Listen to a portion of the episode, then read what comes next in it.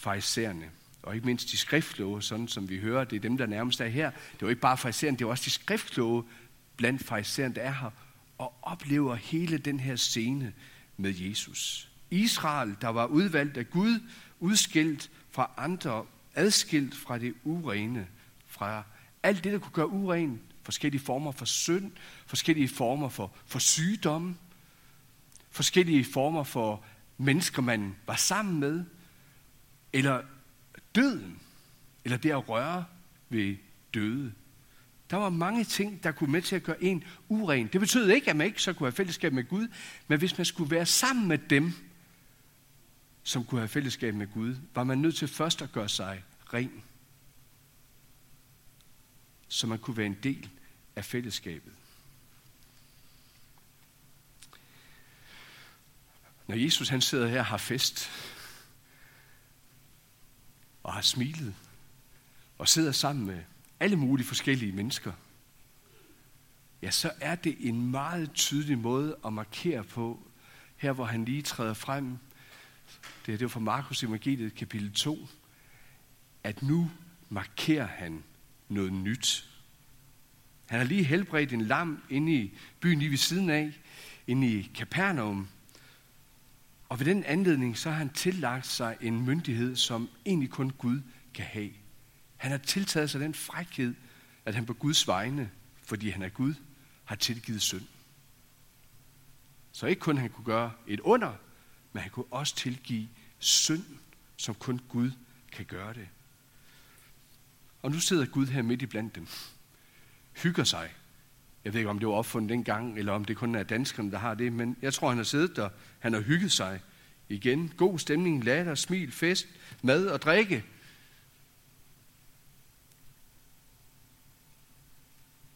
Det er som om, at den måde, Jesus er her på, er normalt for ham. Han er bevidst om det, han gør, og sætter en retning midt i det alt sammen, hvor jeg tror, mange mennesker har haft det. Det her, det er simpelthen til at ånde i. Og noget vi også skal lægge mærke til, det er, at det er Jesus selv, som har taget skridtet for at komme dem i møde. Han har taget skridtet for at komme dem i møde, som normalt mange andre vil vi udenom, som ikke vil have noget med dem at gøre, eller som på grund af det, de var i sig selv, aldrig ville have haft en adgang til Gud, eller kunne være sammen i det fællesskab, der vil være om Gud. Men Jesus markerer, at sådan er nu standarden i det rige, hvor han er herre.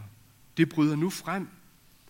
Ikke sådan at forstå, at det bare pynter på noget af det gamle, der har været der i forvejen, som om noget af det er okay, og nu gør vi lige lidt pænere. Vi gør det lige lidt anderledes, så det er til at have med at gøre.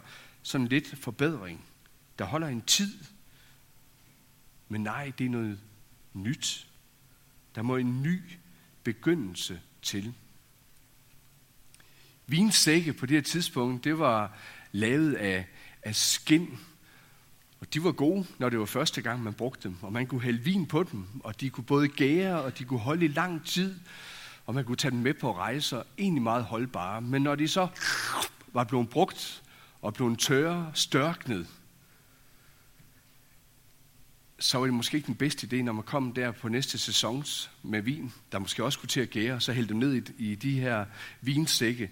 Jeg ved ikke, om I kunne forestille mig sådan noget virkelig tørt, kødagtigt skin, hvordan det ville, øh, når det blev blødgjort, måske begynde at sprække, gå i stykker. Og selvom man så begyndte at lappe lidt på det, så ville det ikke holde særlig lang tid. Det vil simpelthen gå i stykker. Nej, ung vin, ny vin, på nye sække. Farisæernes religiøse traditioner og den religiøsitet, som man ellers kunne komme med selv, den skulle ikke bare forbedres. Nej, den skulle simpelthen skæres til, eller heller ikke bare skæres til, men den skulle simpelthen til side. For Jesus, han er kommet med noget nyt, som de må fyldes af. Og det er egentlig meget det, det handler om i det, vi hører om nu her i dag.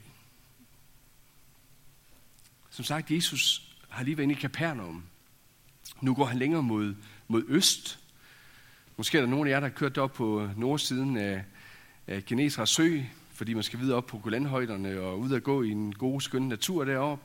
Men på vej der mod øst, sådan et par kilometer ude, hvis man kigger lidt til højre, så er der nogle sten, og ja, dem er der mange af. Men hvis vi kigger på de rigtige sten, så er der faktisk et sted, hvor der er en grænse, eller resterne af det, der engang var en grænse mellem to Herodes' sønner, der havde været sit rige. Ham, der boede i Tiberias, og ham, der holdt til op i Caesarea helt op nordpå. Og lige ved den grænse mellem de her to kongesønner, der var der en tolvbod. For selvfølgelig skulle både de her to konger have deres penge. Det skulle den romerske besættelsesmagt også. Og så var der også en, der skulle tjene på det.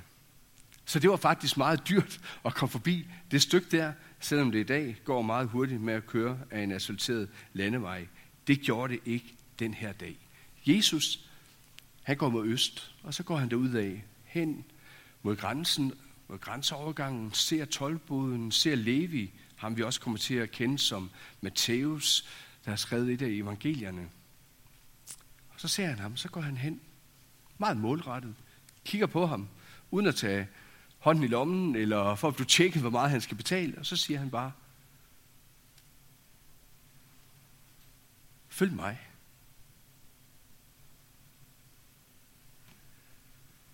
Måske har der været et par enkelte mellemregninger, måske har der også været et par enkelte tanker. Vi hører dem ikke. Det eneste, vi egentlig bare hører, det er, at Levi han rejser sig op, og så følger han efter Jesus.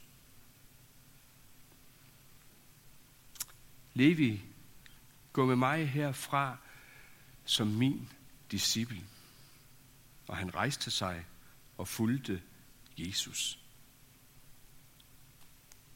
Hvad i verden er det, der foregår? Hvorfor følger han, han bare med?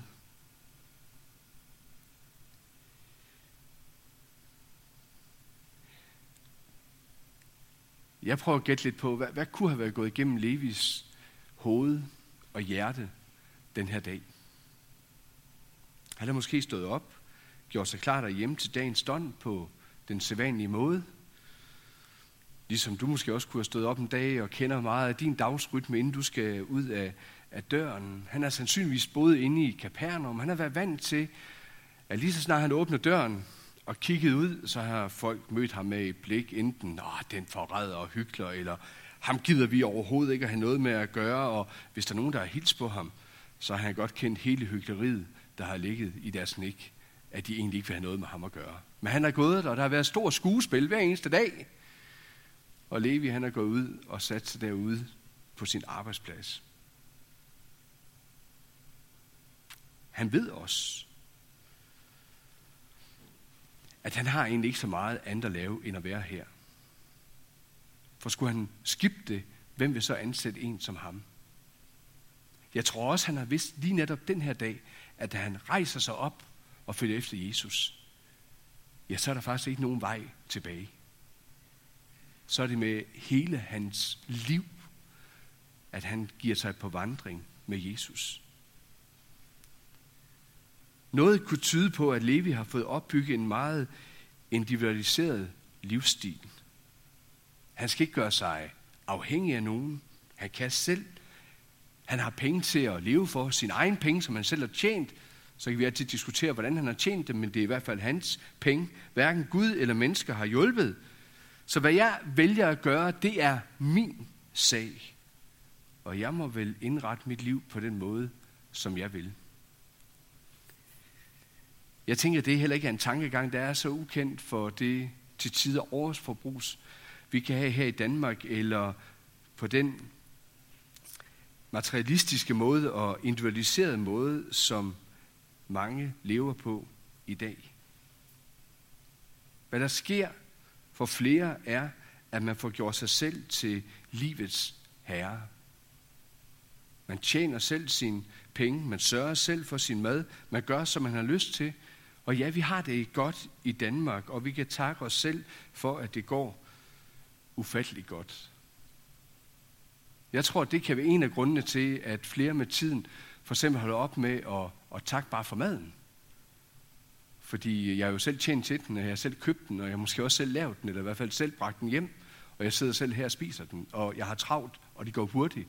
Så hvorfor skulle jeg takke en Gud for det? Eller dagen går jo med samme rum, og det er mit liv, og det er mig, der arbejder, og det er mig, der virker i det, så er det så nødvendigt at begynde dagen med at bede til Gud, lægge den over i hans hånd, hvad jeg får givet, eller, eller slut dagen, måske også at fornævne det for ham, jeg har, har gjort forkert, altså udtryk en afhængighed til ham, at jeg sætter mit håb til ham, uanset hvad. Derfor tror jeg, at nogle gange aftenbøn, morgenbøn, ikke betyder så meget. Måske der ikke for, for nogle af os, der sidder herinde, fordi det går jo så hurtigt, og vi kan så meget selv. Mange har måske også svært ved at give af deres overflod, og materialisme vokser, og man har travlt med at få mere skubbet til, og man kan styre meget med sit eget liv.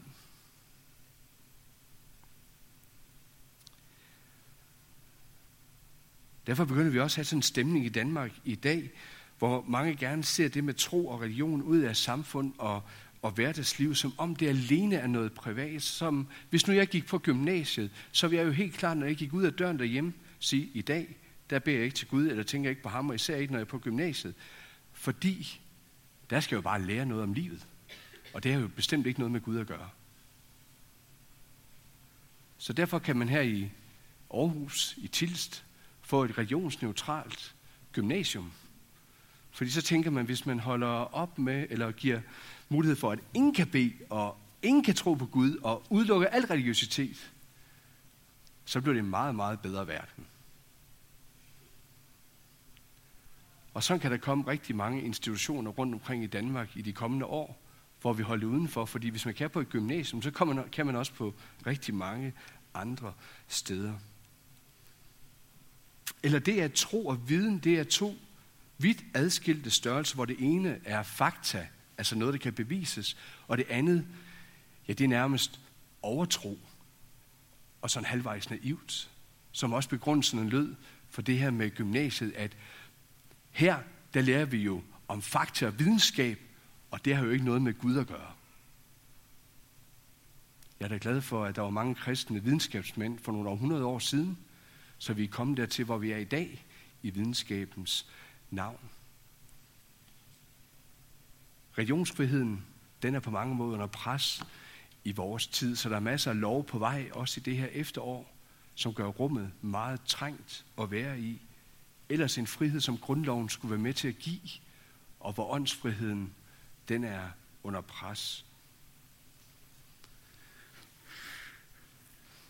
Eller der er mange, der også helst ikke vil høre, hvor dårligt åndeligt de måske står til selv hos os i de kristne rækker, i den del af kirkelandskabet, hvor vi også som Aarhus Bykirke hører hjemme. Nok fokus på, hvad vi kan og bør virke i Jesu navn, og det kan vi tale meget om, også på en god måde.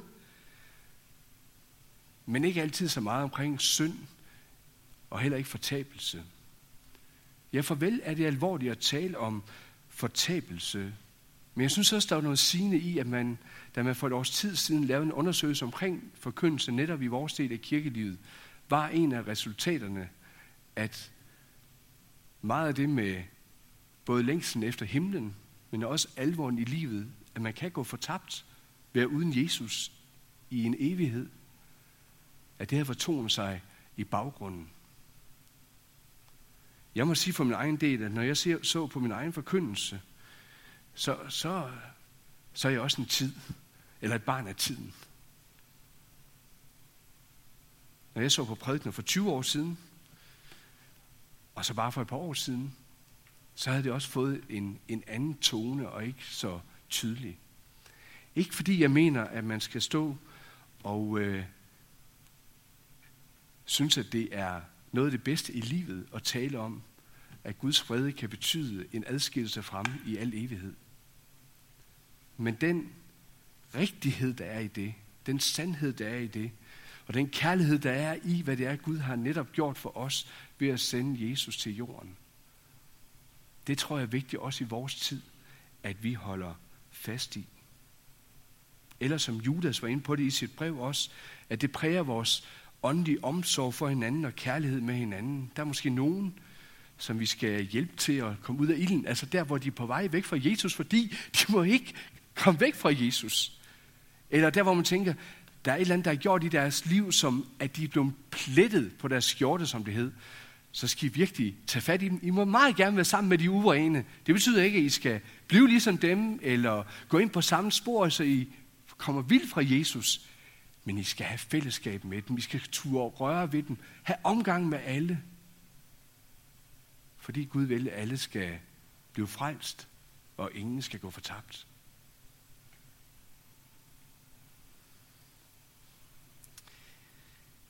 I løbet af dagen der er der kommet mange forbi den her tolvbod.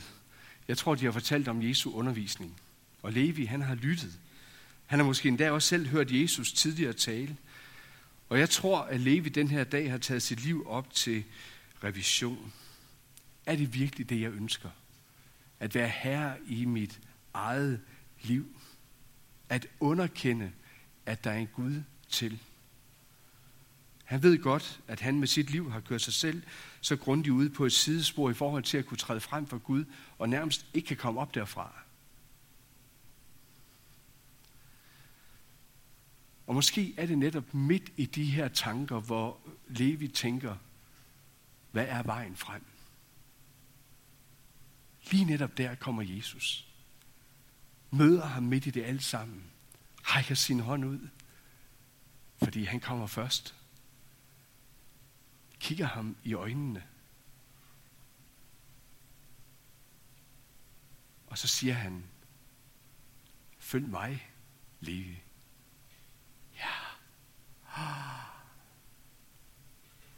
Det er det, jeg skal. Det er det her, mit liv giver mening. Og følge ham, der møder mig. Jeg satte alt mit håb til Herren, og han bøjede sig ned til mig og hørte mit råb om hjælp.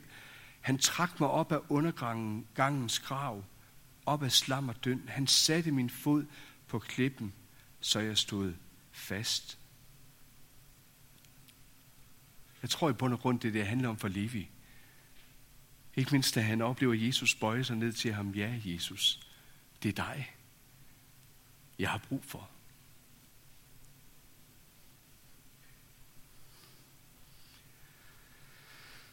Dagen den slutter meget anderledes, end Levi han havde forestillet sig den morgen. Han holder fest i sit hus. Ikke de sædvanlige med tomt indhold og dem, der kommer måske af pligt, og måske hvor det har været mest forretningsrelationer. Men nu har han inviteret Jesus som æresgæst i sit hus. Og så har han ellers bare slået dørene op. Og alle, der gerne vil sammen med Jesus, de kunne være der, fordi ham jeg har mødt, ham skal alle andre også møde.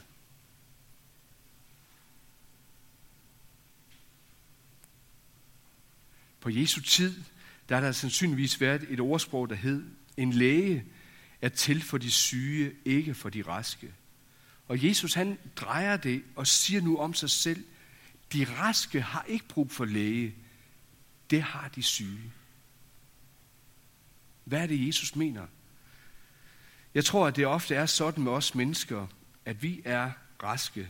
Det tror jeg heldigvis, så oplever jeg det for min egen del at være det meget af tiden. En gang imellem, når jeg er rigtig mand, så er jeg også, også syg. Eller det kan også være der, at man er indtil det modsatte bliver bevist. Jeg kan huske for et par år siden, hvor min mor, hun åbenbart har gået i et stykke tid, og egentlig været dårligere, end hun egentlig har givet udtryk for. Det fik hun så også en skidbad over, at hun ikke har sagt noget til os om. Men betød, at hun var ude på et kursus et sted ude i Vestjylland, og lige pludselig, ja, så sad vi med hende på Aalborg sygehus om aftenen, hvor hun tog undersøgelse, og heldigvis kun kort tid indlagt. Men man er jo ikke syg. Og det var hun nærmest heller ikke, mens hun var der på sygehuset, indtil vi overbeviste om, det tror jeg nok, at du er. Og der er noget, du er nødt til at gøre lidt anderledes, for ikke at blive syg igen.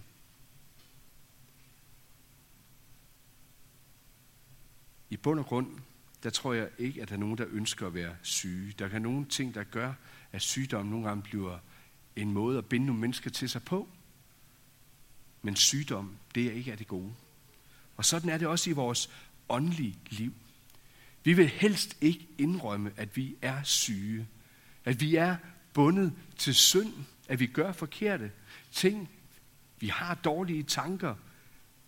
Vores handlinger er bestemt ikke altid lige så meget uden egoisme, som vi måske nogle gange bider os selv ind, at de skulle være. Og i det her, der kan det være så fristende at finde på bortforklaringer og undskyldninger.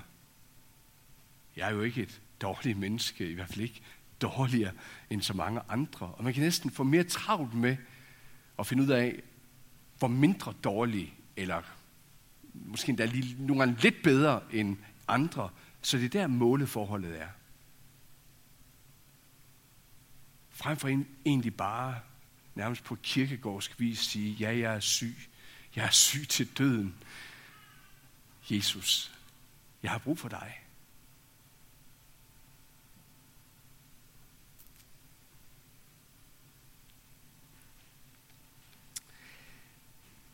Levi han blev vækket den her dag af Jesus til at se sit liv i et nyt lys. Se det i lys af, hvem han er i kraft af, af Jesus. Det blev et kald til et nyt liv.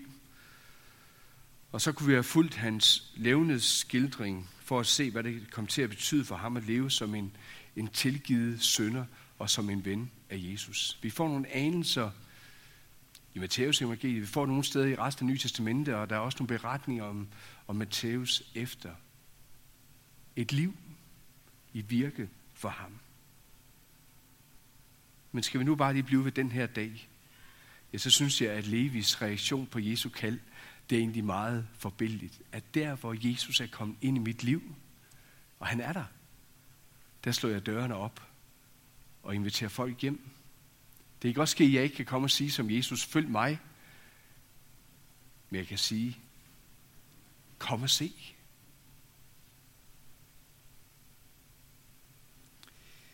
I går i Christi Dagblad, der er der en mand, der også kommer her i huset, især nedenunder i, i samfundet, der hedder Lars Andersen, som øh, fik muligheden for at knytte nogle ord til, eller en udlægning lidt af søndagens tekst. Og øh, der stod sådan i Kristi Dagblad i går fra Lars' mund af. Det er det eneste, Jesus siger. Følg mig, og går så i øvrigt videre. Måske får vi heller ikke mere end dette. Jeg tænker her på mennesker, der skal høre evangeliets budskab i dag. Måske får vi ikke mere end et følg mig eller kom og se. Ikke nogen lange forklaringer på, hvorfor du skal komme. Du opfordres blot til at følge Jesus. I dag vil vi gerne reflektere over så meget, eller det foregiver vi i hvert fald, at vi gerne vil. Men spørgsmålet er, om det i virkeligheden dækker over en selvbeskyttelse. Spørgsmålet er, hvor dybt vi tænker over sådan noget som ordene fra Jesus, følg mig, fordi vi ikke ønsker at involvere os. Man kan jo også bruge det i forhold til den kirkevandte og den, som måske kæmper med sin tro. At du altså muligvis ikke får meget mere af Jesus end et kort følg mig. Så gælder det måske om at kende sin time, rejse sig og følge.